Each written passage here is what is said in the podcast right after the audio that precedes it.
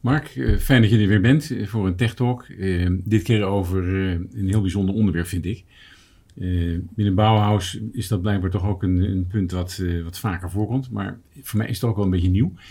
Het gaat over retransitie vanuit de cloud. En dan denk ik, wat is dat voor raars? We, we gaan toch allemaal de cloud in en daar is toch juist behoefte aan. En dan begrijp ik uit de titel dat het ook wel andersom moet gebeuren.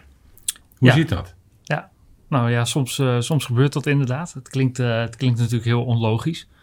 Uh, wat je ziet is dat veel bedrijven de afgelopen jaren de keuze hebben gemaakt van oké, we willen meer flexibiliteit en schaalbaarheid. en dus nemen we eigenlijk afscheid van onze eigen infrastructuur en gaan we naar de cloud. bij veel bedrijven is dan ook een cloud-first strategie gehanteerd. dus eigenlijk alles in de cloud. Um, en gaandeweg komen een aantal bedrijven er toch ook wel achter van... oké, eigenlijk is die cloud wel een heel mooi middel en het biedt allerlei voordelen. Um, maar we hebben toch ook wel te maken met een aantal zaken of onderwerpen... waardoor we um, ja, eigenlijk weer terug moeten naar, uh, naar een stukje eigen infrastructuur. Oké, is, dat is eigenlijk... zijn ze misschien wel, of zijn heel veel bedrijven te snel misschien wel op die hype gestapt... of in ieder geval, ze komen tot de conclusie dat er ook wel wat nadelen aan zitten. Kun je, kun je een voorbeeld noemen waarom je dan toch weer terug zou willen? Ja, uh, nou eentje is bijvoorbeeld uh, heel duidelijk een vendor lock-in. Uh, hè, omdat je vaak kiest voor één cloud provider. Natuurlijk kun je een multi-cloud strategie hanteren. Ja. maar in de praktijk zie je dat het bedrijven echt heel veel moeite kost om twee of, of drie of nou, misschien zelfs nog wel meer cloud-omgevingen goed te kunnen managen. Ehm, puur omdat dat ook weer aparte expertise vereist. En je dus allerlei mensen moet opleiden. In, in niet één, maar in twee of drie omgevingen. Ehm, dus daar, ligt, daar liggen eigenlijk nog wel uitdagingen. Ook om dat uh, op dat gebied wat, uh, wat soepeler te laten verlopen. Ja. Um, maar goed, die blokkades zijn er wel. maar kun je dan niet heel makkelijk, stel voor dat je drie cloud providers hebt switchen van de een naar de ander? Nee, nee dat is, ja goed, dat zou je denken, maar de complexiteit zit eigenlijk niet zozeer in die infrastructuurlaag, maar echt in het applicatielandschap van, eh, van organisaties.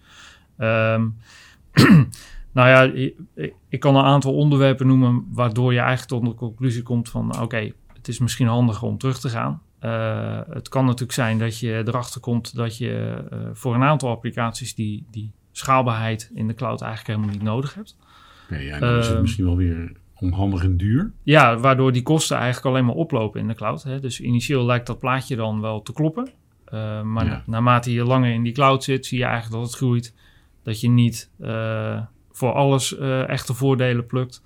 Um, en dat je dus qua kosten omhoog gaat. Ehm, dat kan natuurlijk ook te maken hebben met privacy en compliance regelgeving.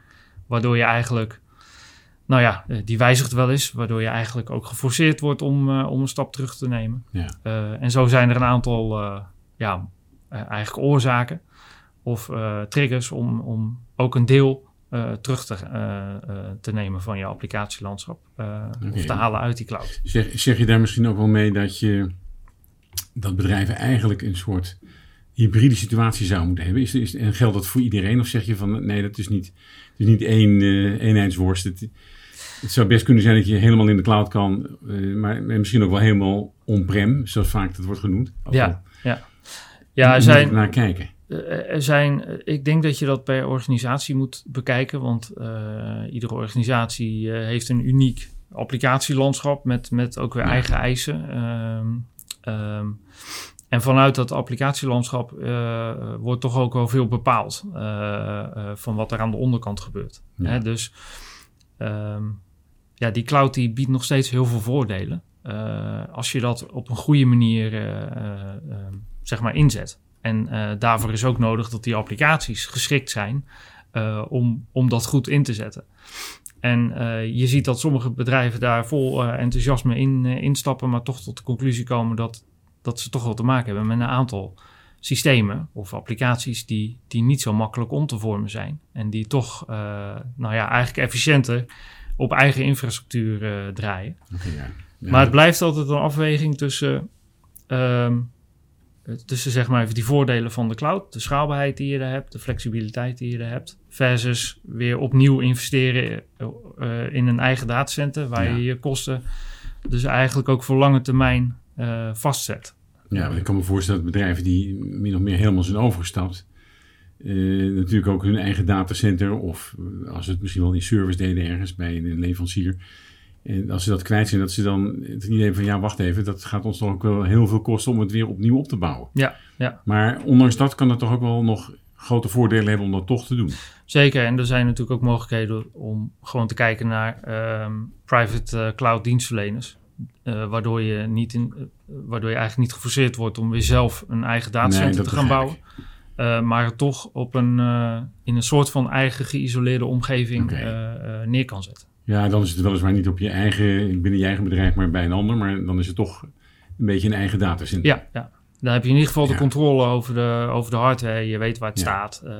Je weet wat er met die data gebeurt. En met, met, met, met cloud-leveranciers, uh, weet je, dat is vrij generiek. Dus daar zijn weinig specifieke afspraken mee te maken. Ja. Uh, en met een aantal andere leveranciers heb je natuurlijk de mogelijkheid om, uh, om daar specifiek ook afspraken ja, dus te veel flexibeler. Ja. Nog een, uh, een, belangrijke vraag die ik heb. overigens, het onderwerp leent zich voor veel meer discussie en, en, uitleg. Maar voor deze tech talk nog wel even een vraag. ja, als je nu start met cloud, hè, want er zijn nog een heleboel bedrijven die zijn eigenlijk nog maar aan het begin Mhm. Toch ook nog. Zou, wat zou jouw advies dan zijn? Want daar, heel veel hoor ik nog zeggen cloud first. Dus die zijn volop aan het voorsorteren van alles gaat naar de cloud en we bouwen alles af. Ja. En als ik jou nou zo hoor, is dat misschien, moet je dat toch misschien wel wat met meer verstand doen. Nou, wat, wat belangrijk is, is dat je goed nadenkt over die strategie. Ehm, en ook kijkt van wat heb je nu in huis. Hè? Dus uh, uh, het gaat namelijk niet alleen maar over de infrastructuur. Uh, want uh, de, de, trigger is heel vaak van ja, oké, okay, uh, iedereen gaat naar cloud. Moeten we dan ons eigen datacenter nog houden? Gaan we weer opnieuw investeren? Um, de applicaties die zeg maar gebruik maken van die infrastructuur, die hebben allemaal weer aparte uh, eigenschappen. Ja. En ook een aparte levensduur. Hè? Dus die, die, die lifecycle, om het zo maar te zeggen, die loopt nooit helemaal in sync. Nee. Um, en dus moet je goed kijken naar dat hele landschap. Uh, en ik ben ervan overtuigd dat er voor heel veel organisaties echt heel veel voordelen uh, zijn te halen in de cloud. Uh, maar je hebt wel te maken met gewoon een aantal uitzonderingssituaties of applicaties. soms waar je even goed bij stil moet staan. Van wat je daar ja. nou mee doet. Nou, ik, het is wel leuk, want ik, ik heb natuurlijk ook de hele overgang naar de cloud de afgelopen jaren meegemaakt. En je ziet dat men wat voorzichtig is geworden. En eigenlijk zeg jij er ook van als je dit nou, eh, dit avontuur start, uh, er is veel voordeel te halen, maar doe het uh, op een ja, goed doordachte manier. Ja. Waarbij je vooral niet vergeet dat ook zeg maar, on-prem of bij een, zo'n private cloud, dat dat ook heel veel voordelen kan bieden. En eigenlijk misschien wel de combinatie. Precies, ja. Oké. Ja. Nou goed, Mark, da dankjewel voor het gesprek. Ik, uh, ik kom graag bij je een keer terug over dit onderwerp, want er zijn natuurlijk veel aspecten waar klanten ook wel graag van horen hoe jullie dat zien en hoe Bouwers daarbij kan helpen. Ja, zeker. Dank je Dankjewel.